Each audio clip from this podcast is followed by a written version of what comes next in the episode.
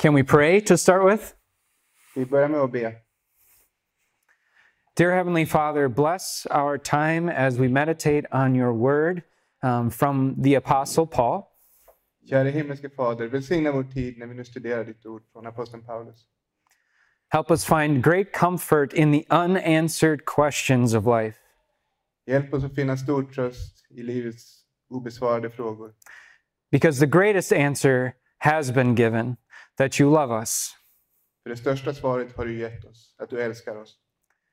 and you are willing to do whatever it takes to redeem us. Och att du vill göra vad det än krävs för att återlösa oss. Thanks be to God for your mercy Vi tackar dig Gud för din nåd. through Jesus Christ our Lord. Amen. Genom Jesus Kristus, vår Herre. Amen.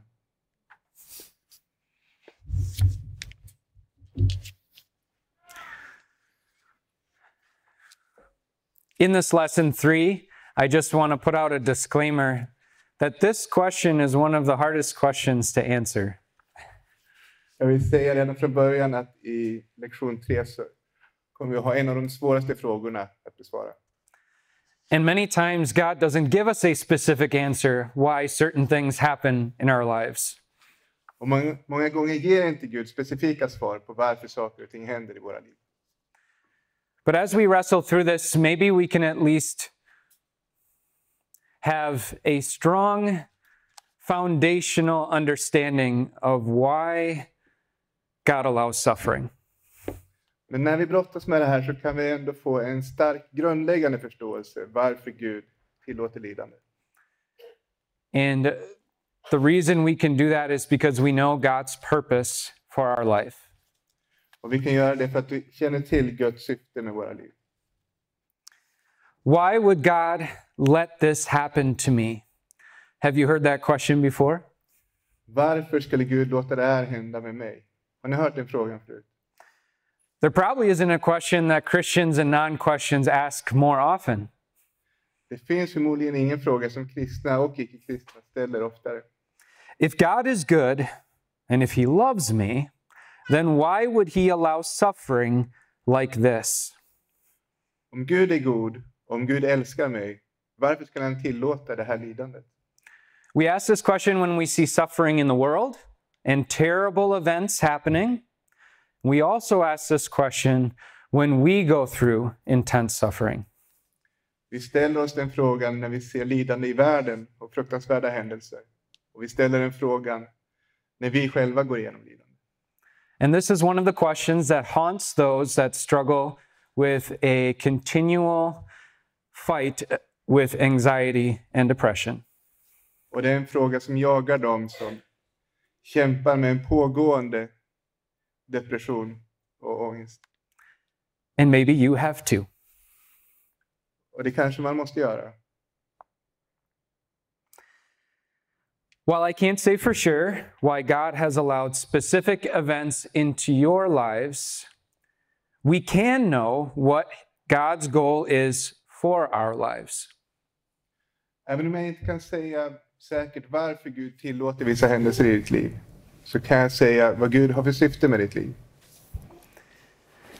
Let's turn our attention to 1 Timothy 2 3 and 4, which says, This is good and pleases God our Savior, who wants all men to be saved and to come to a knowledge of the truth. Vi går till första Timoteus kapitel 2, vers 3 och 4. Det står att detta är gott och behagar Gud vår frälsare som vill att alla människor ska bli frälsta och komma till insikt om sanningen. So, what is God's ultimate goal for us? Så vad har Gud för yttersta syfte med oss? He wants us to be saved. Han vill att vi ska bli frälsta.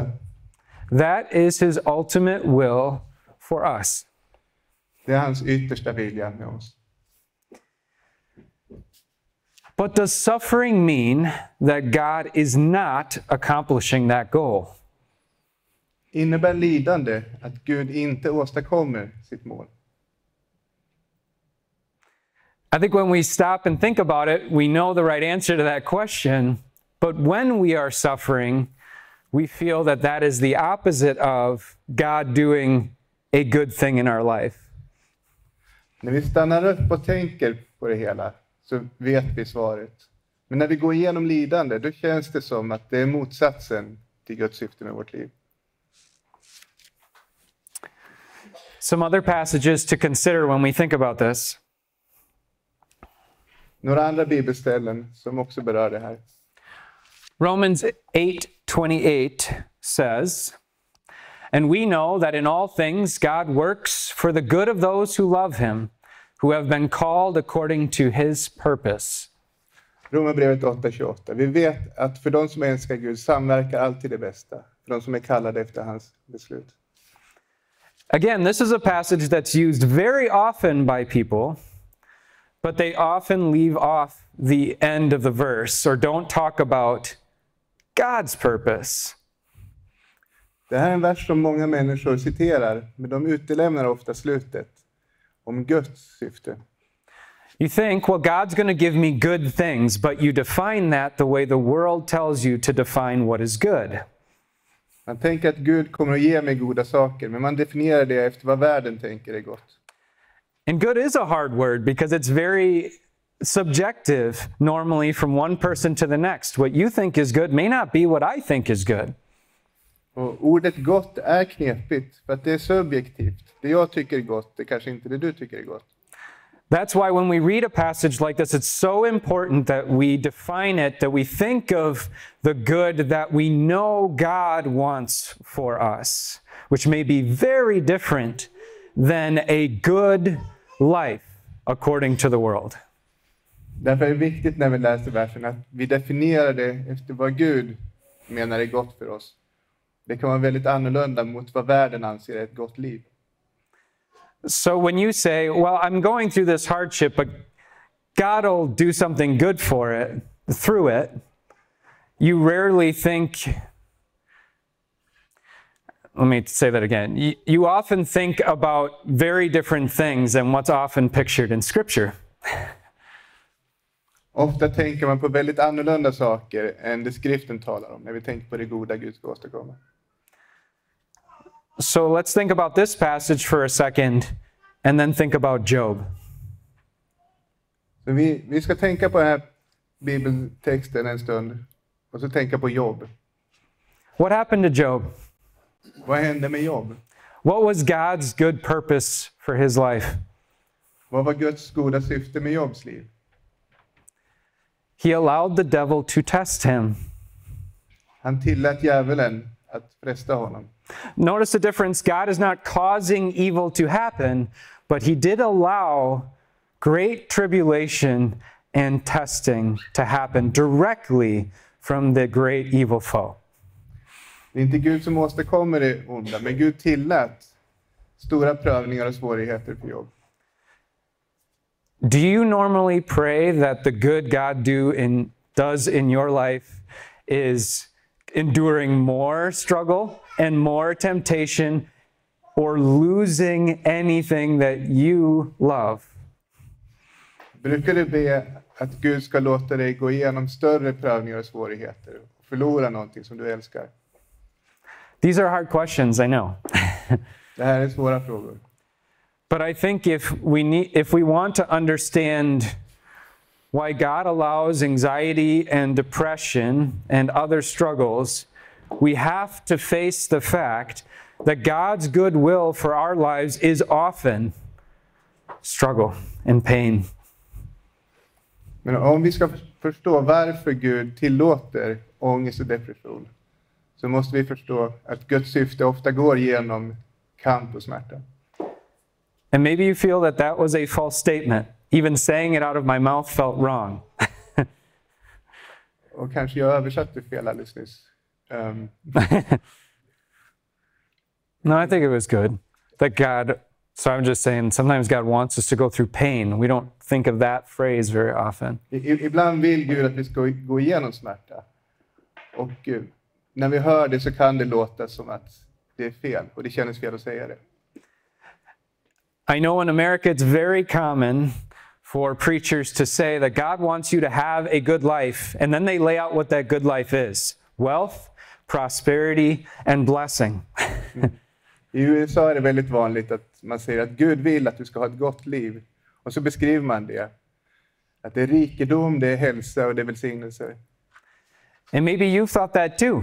You thought, I've become a Christian, so my life will become better. But better was defined as it'll be easier, it will be happier, and it will be more ease or joyful. Och du kanske också har tänkt så att nu när jag är kristen, då kommer mitt liv bli bättre. Och bättre betyder enklare och att, man är gladare. But God does not promise those things in his definition of better. Men Gud har inte lovat det i sin definition av bättre. Again, what is God's goal for our life? Vad har Gud för mål med vårt liv? He wants us to be saved and to come to a knowledge of the truth, no matter what. Han vill att vi ska bli frälsta och komma till insikt om sanningen. Och det är det, det som betyder någonting. So think again about Job. He was a believer who God himself trusted in the Lord. And yet he allowed suffering to come in so that he and those who saw and heard him would have stronger faith. Vi tänker igen på Job. Han var en troende som Gud lät lidande drabba.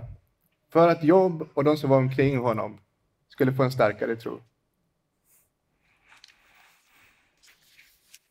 Sometimes God puts us through similar situations, Och ibland för Gud oss in i liknande situationer.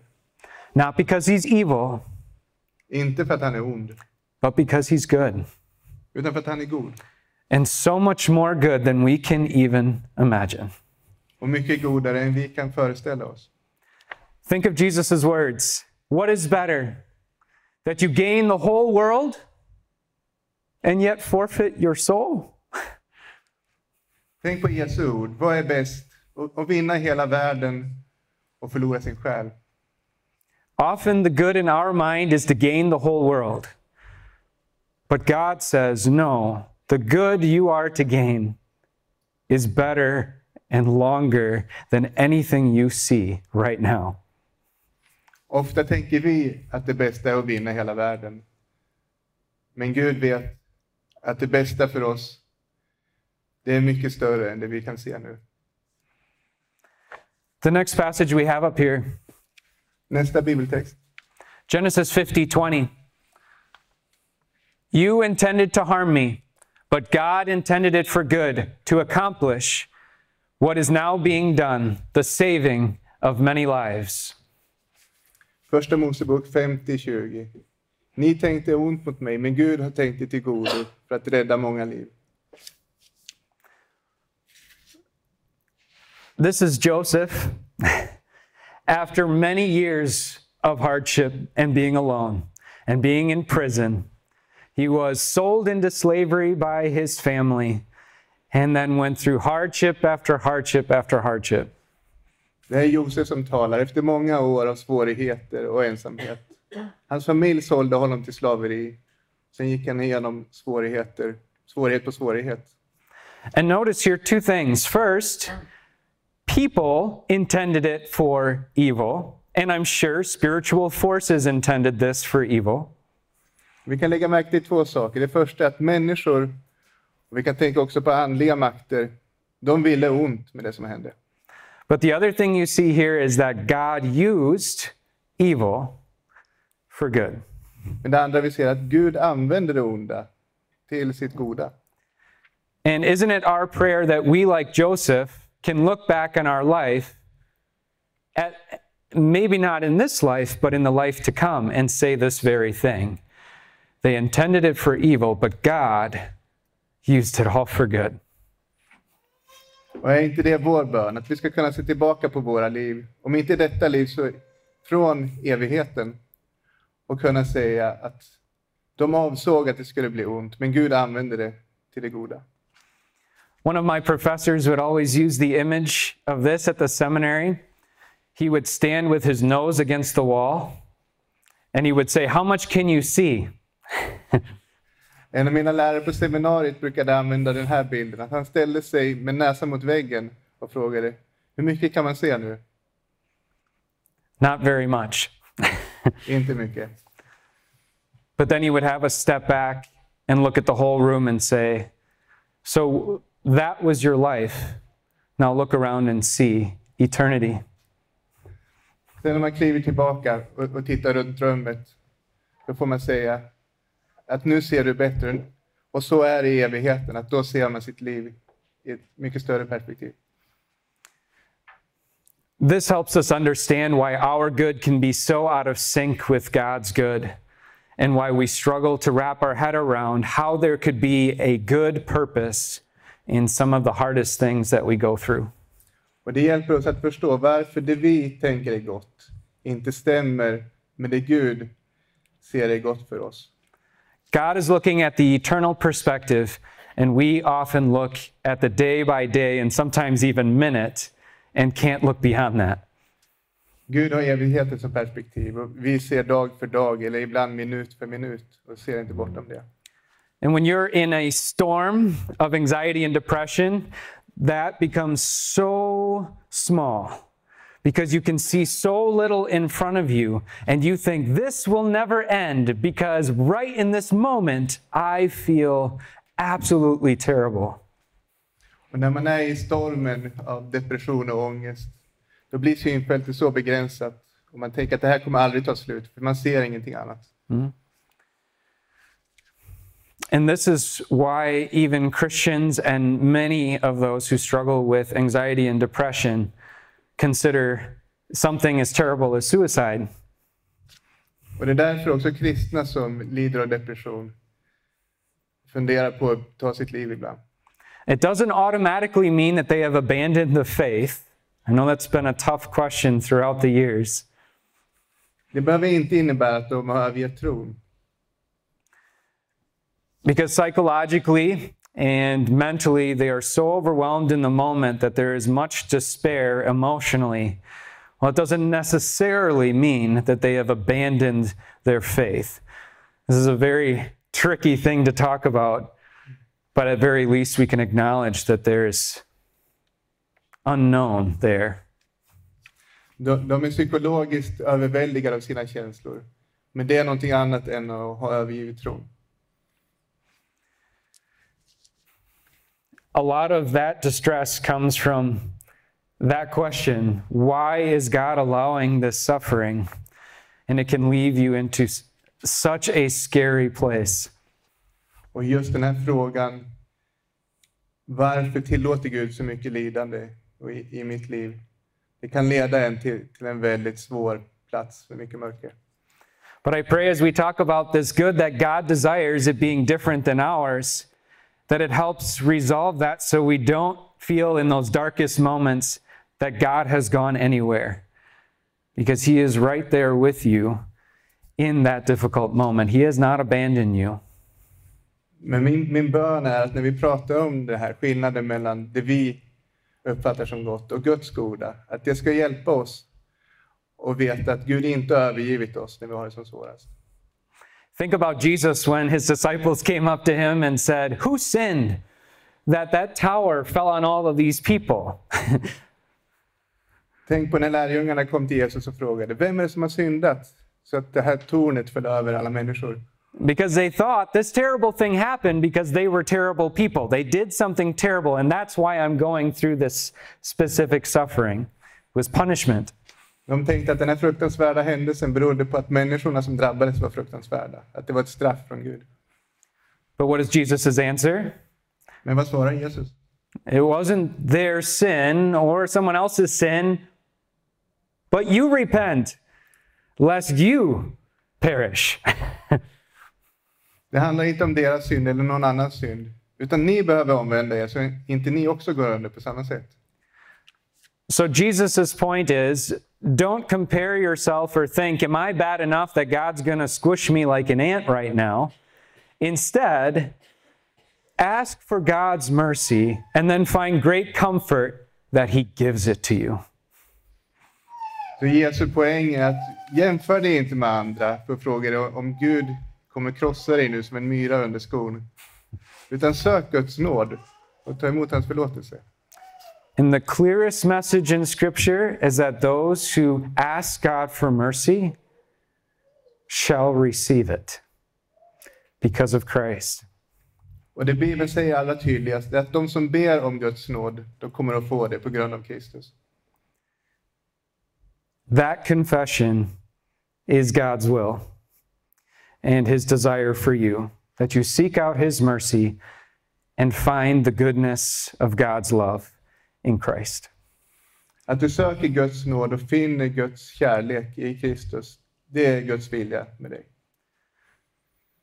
So, what limit is there to what God could allow into your life if it gets you to that firm understanding? Så vad finns det för gräns för vad Gud kan göra om det leder dig till att du får den djupa förståelsen? 2 Corinthians 4:17 says, "For our light and momentary trials troubles are achieving for us an eternal glory that far outweighs them all." Andra Korinthierbrevet 4.17. För våra tillfälliga lidanden förbereder en stor härlighet för oss. Comparing the temporal blessings and the eternal blessings God has in store for us. Vi får jämföra de tillfälliga välsignelserna med Guds eviga välsignelser som väntar på oss. Gives us space to consider the good that God wants to do for you. Och det ger oss tillfälle att, tänka på det goda som Gud vill göra mot oss. For those of you who struggle with anxiety and depression, here's a question for you What is greater, having no more anxiety or depression, or having faith? Här är en fråga till, till alla som kämpar med depression och ångest. Vilket är större? Och aldrig mer ha ångest och depression? Eller att ha tro?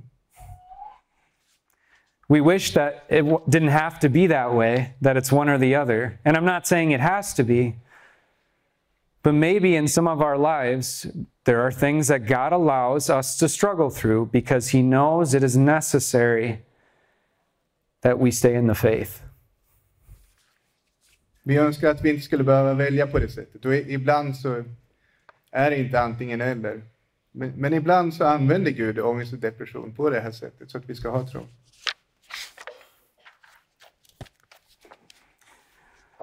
There's a quote from a book that someone wrote in the Wisconsin Synod called Whatever is True A Christian View of Anxiety. Jag citerar från en bok som en författare i Wisconsin Synoden har skrivit om en kristen syn på ångest.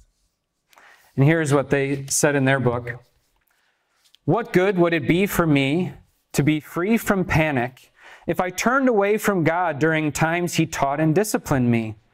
What would I have gained if I learned to trust in me and not in Him? Vad skulle jag ha få- fått ut för gott eh, när jag led av panik om jag hade vänt mig från Gud när han tuktade mig? Eh, vad skulle jag ha vunnit om jag lärde mig att lita på mig själv istället för att lita på Gud? Most secular counselors would not be happy with that statement. De, de flesta sekulära eh, psykologer och rådgivare skulle inte vara nöjda med det här citatet. Because what's their ultimate goal? That you are fine on your own. And that on your own, you've been able to solve your problems and be just fine and okay in your identity. Deras mål är, är att man ska må bra på egen hand och klara sig utan Gud. But that's not God's ultimate goal for you. He doesn't want you to be fine in yourself and believe that you don't need God. Instead, God's very purpose is that you realize how dependent you are on Him each and every day of your life. Men Guds syfte är inte att vi ska klara oss på egen hand, utan att vi ska förstå hur beroende vi är av Gud hela tiden. I understand some of these things are the hardest things to think about. Och, och det här är saker som hör till det svåraste som man kan tänka på. because we don't want to think that some of those things we go through may never leave us. Vi vill inte tänka att en del av de saker som vi går igenom kommer vi att få leva med hela livet. But let's read some words from Paul that maybe give us even more perspective from an apostle who struggled with much. Vi ska läsa några ord från Paulus som kan ge oss ännu mer perspektiv från en apostel som kämpade med mycket. First, we'll read from Romans chapter 7, 15 through 25.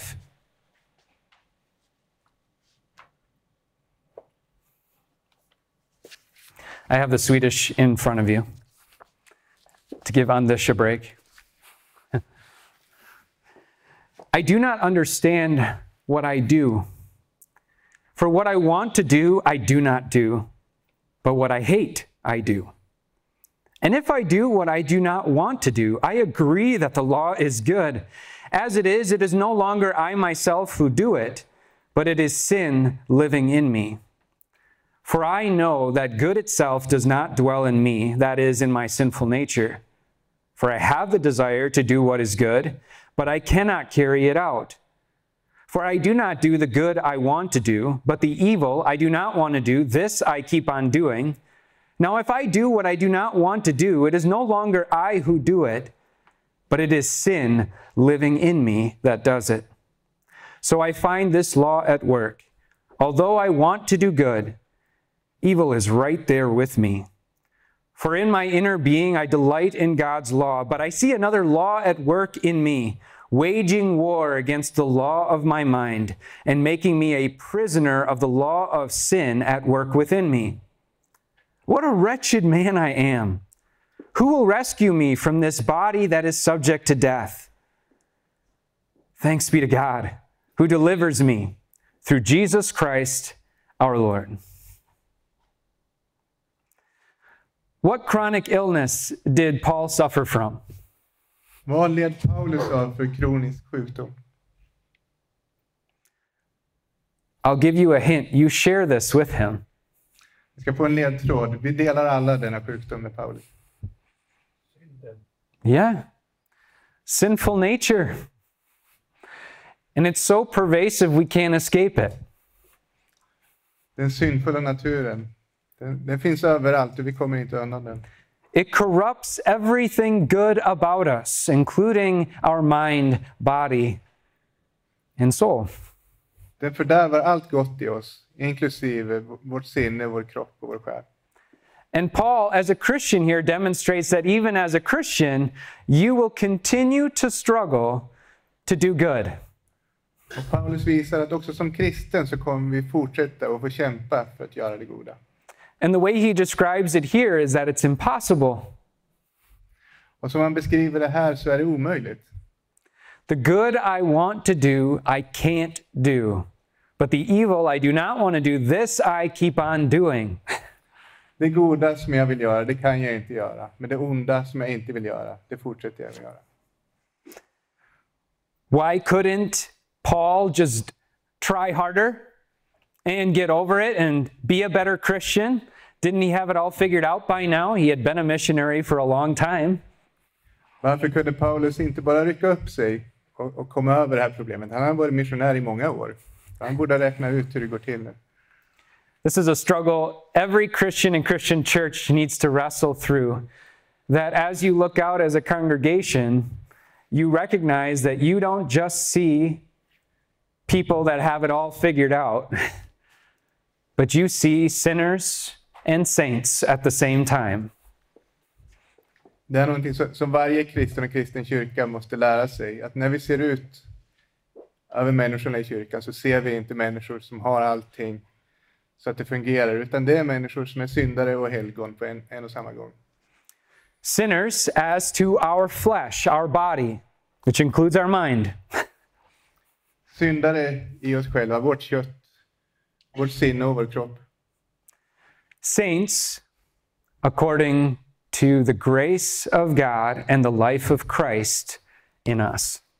Helgon enligt Guds nåd och enligt Kristus som lever i oss. A victory apart from ourselves. And thanks to God. Det är en seger som inte är beroende av oss, och tack vare Gud. What comfort might this section give to those who struggle to stop feeling anxious or depressed, even though they know better? Vilken tröst kan den här bibeltexten ge till de som kämpar och som känner att de vet egentligen bättre?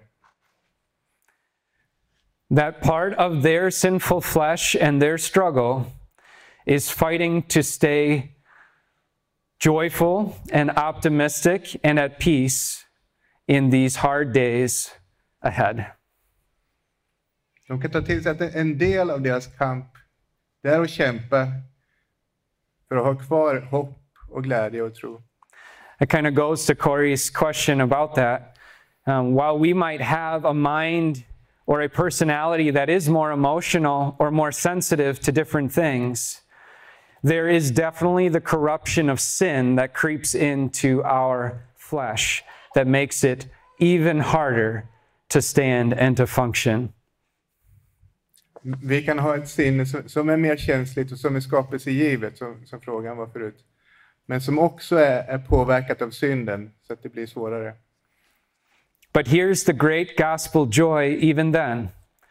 Just like Paul calls out what a wretched man I am because of his sin, we too can call out because of our sin and our struggle. What a wretched man I am. What a frustrating mind I have. Men vi får ta till oss evangeliet och vi får ropa ut som Paulus sa, jag arma människa. Det handlar inte om att vi har kraften i oss själva. But what's his answer to his own cry? Thanks be to God who delivers me through Jesus Christ our Lord. Utan svaret är att Gud räddar oss genom Jesus Kristus, vår Herre. No matter what we are struggling with, what storm we are in, God is waiting for us to cry out to Him for mercy, and He gives it because Christ has won everything for us. För oavsett vad vi går igenom så väntar Gud på oss att vi ska be honom om nåd. Och han ger det på grund av vad Kristus har gjort för oss. I can't tell you how many times I personally have cried out to God to stop the mental craziness that's going on in my head. Jag kan inte räkna hur många gånger jag har bett Gud om att stoppa den galenskap som pågår i mitt huvud. But so far, He said no. Men än så länge har han svarat nej. But He still gives me Christ. Men han ger mig fortfarande Kristus. And that leads us into our next section from Paul, a lesson he learned as well. Och det leder till nästa avsnitt från Paulus, något som han också har lärt sig.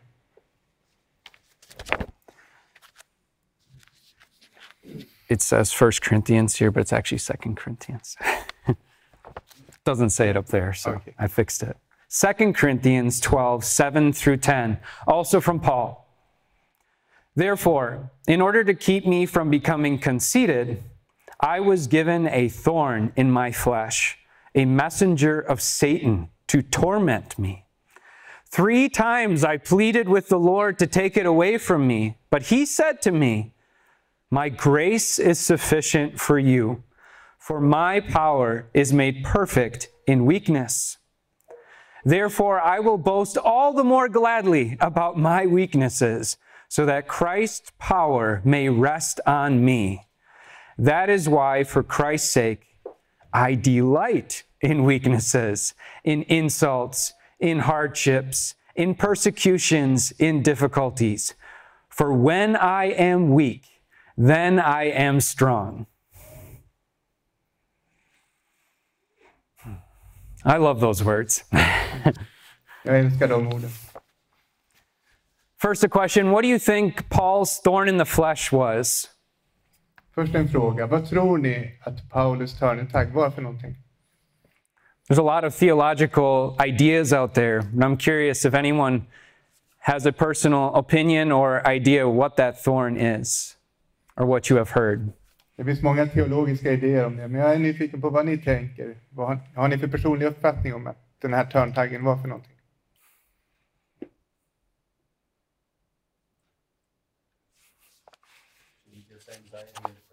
You can guess anxiety, depression. I don't necessarily know that's what it is, but Ångest och depression är ett förslag, kanske det vi tror att Titus väntar sig. Some have, yeah, go ahead, Peter. Eh, En teori har ju att göra med, det står i något brev att jag skriver det här med min egen hand med stora bokstäver. Att det antingen var eh, eh, att han hade problem med händer, alltså vad heter det, inte artros, reumatism. Mm. En teori och en annan är dålig syn, att man inte riktigt ser det är ju gissningar. Yeah. I've heard that a lot too. That he either had something wrong with his hand or something, his eyesight was going. Jag har också hört att han antingen kanske hade något fel på händerna eller att hans syn var på väg att försvinna. Yeah. Det fanns också minnen som frågade honom att han hade förföljt Guds församling. Därför kallade sig den största bland syndare. Yeah. His memory and the things that he had done, that that was a great thorn. He knew that he had killed Christians and hunted them. So that's one theory that he was burdened by the guilt of his past sins, even though he knew the gospel. Hans minnen, att han visste vad han hade gjort. Han hade förföljt Guds församling och han hade dödat kristna. Any others?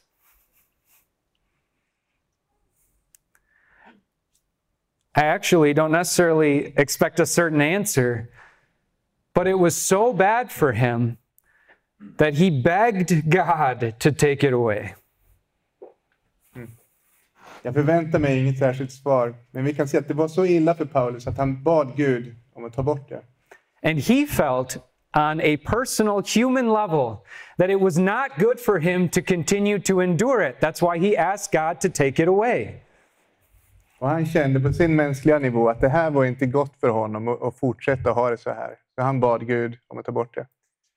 But when God answered that it was better for him to leave it, he accepted that answer. Men när Gud svarade att det var bättre för Paulus att ha kvar den här törntaggen, då accepterade Paulus det svaret. And God gave a great reason why it was better. Och Gud förklarade varför det var bättre. Go ahead, Steph. I was just going to mention um, I never have an answer for this because I often wonder if God kept it that secretive or didn't give us all the information simply so that we would relate to it. That's a great point. So her point is he didn't specify what this thorn was, just for the very fact that we could read in our own problem into this section. Mm. Det kan vara så att Paulus inte skriver ut det här för att Gud vill att vi alla ska kunna relatera till den här törntaggen. Vi kan alla känna igen oss. That we can read our problem as the thorn. Våra problem kan också vara en törntagg. Look at God's answer here. He tells Paul, This is the reason I am not going to take it away.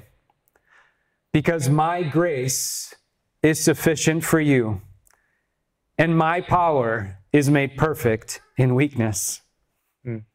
Se på Guds svar. Han säger anledningen till att jag inte tar bort den här törntaggen är att min nåd är tillräcklig för dig och min kraft blir fullkomlig i svaghet. That's probably as close as an answer you can get to why does God allow suffering in my life? Det är nog det närmaste ett svar vi kan komma till frågan varför tillåter Gud lidande i mitt liv? He wants us to realize that the gospel is all that we need. Han vill att vi ska inse att evangeliet är allt vad vi behöver. Even if we lose our family, our friends, our income, our health, and many years of life, that we still have everything we need in the gospel of Jesus Christ. Även om vi ska förlora vår familj och våra vänner, vår inkomst, vår hälsa och många år i våra liv så kan vi ändå veta att vi har allt vi behöver i Kristus. That is a very hard lesson to accept. Men det är väldigt svårt för oss att acceptera det. It helps explain why so many people turned away from Jesus when he told them, You need to eat my blood or eat my body and drink my blood. And then continued to say, If anyone wishes to follow me, they must take up their cross and follow me. Det förklarar varför många vände sig bort från Jesus när han sa att ni måste äta mitt kött och dricka mitt blod. Och han sa att den som vill följa mig måste ta upp sitt kors och följa mig. Because Jesus was saying, You may have to give up everything else for me. För Jesus sa att det kan vara så att du måste ge upp allting för min skull. But if you understand and believe in who I am, that's okay. Men om du förstår och om du tror på vem jag är så är det okej. Because you believe I am the resurrection and the life. För då tror du att jag är uppståndelsen och livet. I am the way and the truth and the life. No one comes to the Father except through me. Jag är sanningen. Jag är vägen, sanningen och livet. Ingen kommer till Fadern utom genom mig. God's ultimate goal to get you into heaven. If you have Christ, you have full access to the Father forever and ever. Guds yttersta mål med oss är att få oss till himlen. Och har vi Kristus, då har vi full tillgång till Fadern i evighet. And I know out of that list, probably the worst is losing family. But this is the one beautiful comfort. Family is the one thing you can take with you to heaven. Och det värsta på den här listan, det- är att förlora familjen. Men det vackra är att familjen, det är någonting vi kan ta med oss till himlen.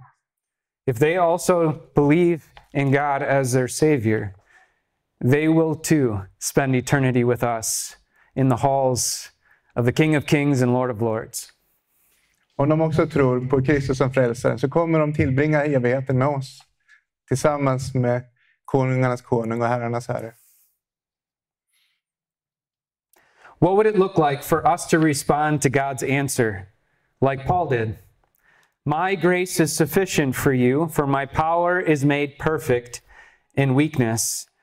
And then we answer like Paul does. That is why, for Christ's sake, I delight in weakness, in insults, in hardships, in persecutions, in difficulties. For when I am weak, then I am strong. Hur skulle det se ut i våra liv om vi svarar som Paulus svarade på Guds ord? Min nåd är nog för dig och min kraft blir fullkomlig i svaghet. Om vi då svarar att därför gläds jag över alla sorters svårigheter och lidanden. Another quote from the book as we prepare to close in this section. Viewing anxiety or depression in a positive light is not easy. The devil will try to convince you otherwise. Your way out of anxiety is always the same. Trust that your heavenly Father always disciples you for your own good. Rejoice in it. Det, det är inte lätt att se ångest i ett positivt ljus. Och djävulen frestar oss alltid. Men vägen ut ur det är alltid samma. Lita på att Gud använder det till det goda. Och gläd dig över det. I will be the first to admit that it's very hard to rejoice in the middle of an anxious or depressive episode. Jag är den första att erkänna att det är väldigt svårt att glädja sig mitt i en period av ångest och depression. But I will tell you that I am very glad that I went through it and continue to go through it so that I can speak to you today. Men jag kan säga att jag är väldigt glad att jag har gått igenom det att jag fortsätter att gå igenom det. Så Jag kan, jag kan tala mer om det idag. Because I see the beautiful good that God has done through my life, through every hardship. And I thank God that He has refined me and held me in His hands.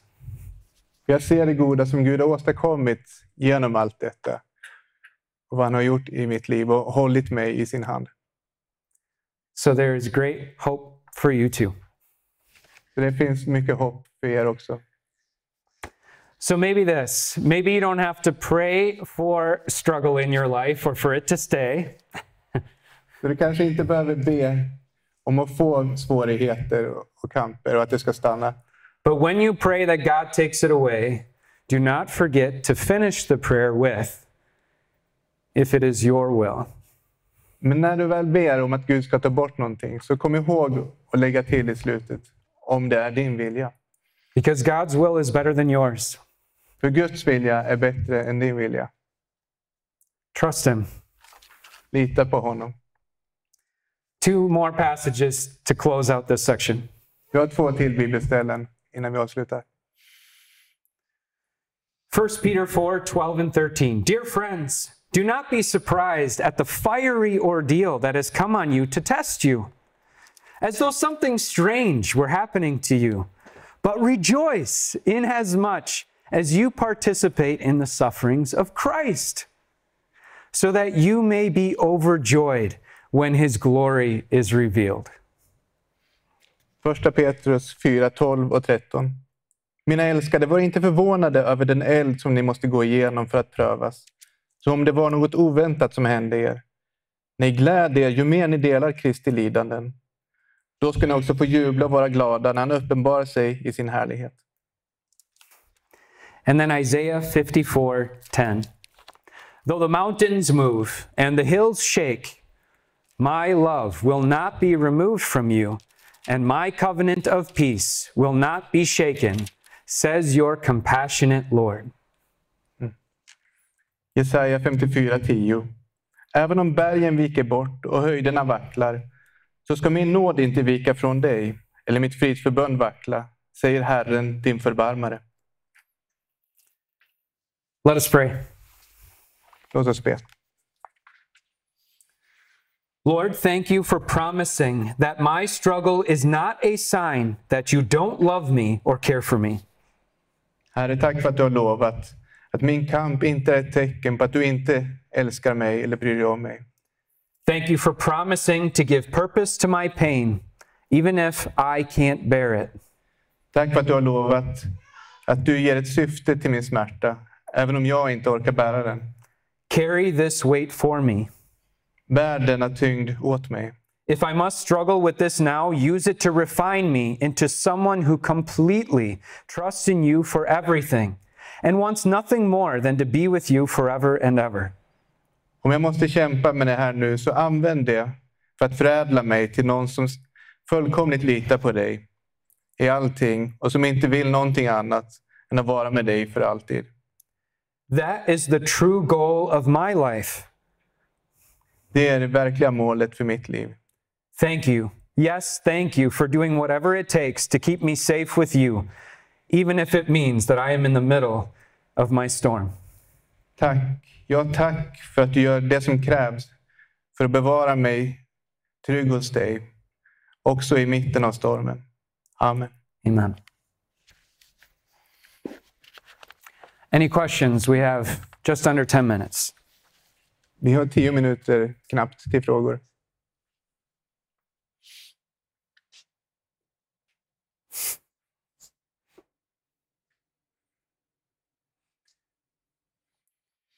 Katarina, we can sing and then I'll ask again after that. Vi sjunger sista verserna i psalmen vi sjöng förut och sen ska vi se om vi har frågor efter det.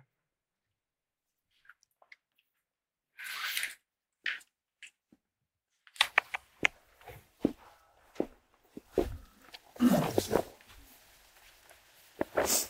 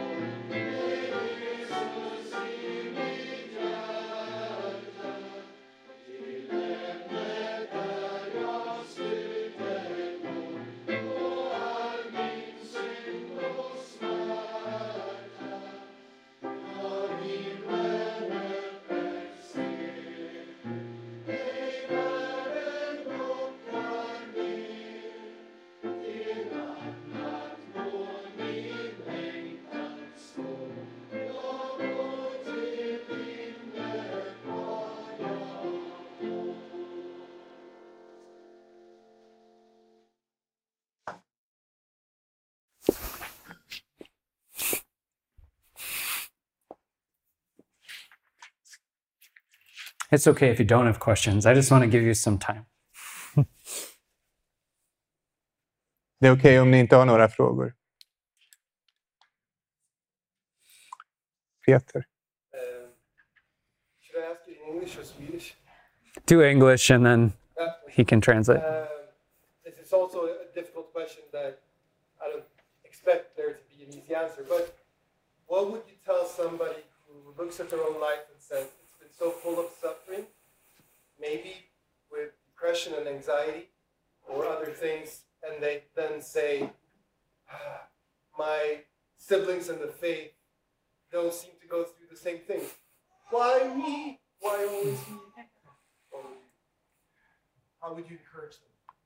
skulle du säga till någon som, som ser på sitt liv och säger att det har varit så mycket lidande, kanske med ångest och depression.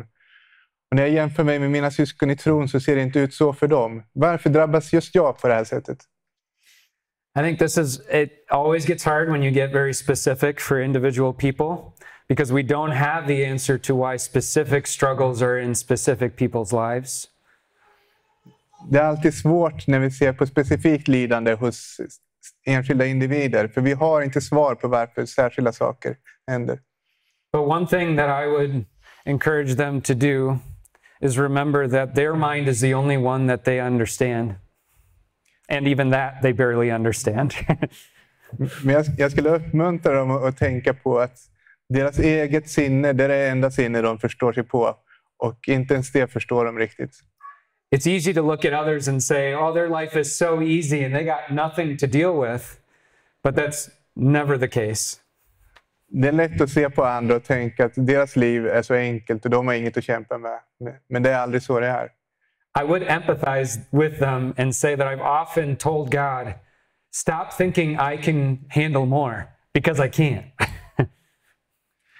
Jag skulle känna empati med dem och, och säga att många gånger har jag sagt till Gud, sluta ge mig mer, för jag, jag klarar inte mer. But when God has continued to pile it on, later on, I've been able to look back and say, Thank you, God, for allowing me to go through that because it prepared me for today. Mm. Men när Gud ändå har fortsatt att, att lägga på mig plågor så har jag efteråt kunnat se tillbaka och, och tackat Gud för att det har hjälpt mig att, att komma dit jag är idag. So maybe for someone who's struggling so much, God has a beautiful plan for them, and they will need a lot of strength. Så det kan vara så att någon som lider väldigt mycket har Gud en underbar plan för och de behöver mycket kraft. Or it could be that others will watch them suffer and will gain greater faith because of their suffering, which is a very selfless thing to think, but it also has a lot of meaning. Eller det kan vara så att andra ser deras lidanden och de blir styrkta i tron när de ser hur de hanterar sitt lidande. I think of that of like when you think of Dietrich Bonhoeffer and others who have gone through much suffering, how great their impact was on so many people. because they held on to that faith. And not everyone in that situation could have done such a thing, and many didn't. Mm. När man ser till exempel på Dietrich Bonhoeffer och hans lidande och hur han stod fast i tron så har det styrkt många människor när de har sett det.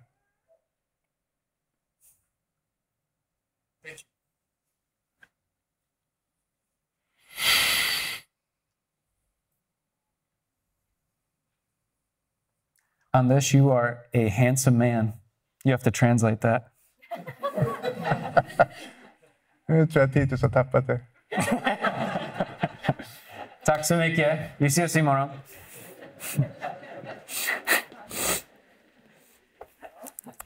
Felt like we needed a laugh at that point, so. but it's true.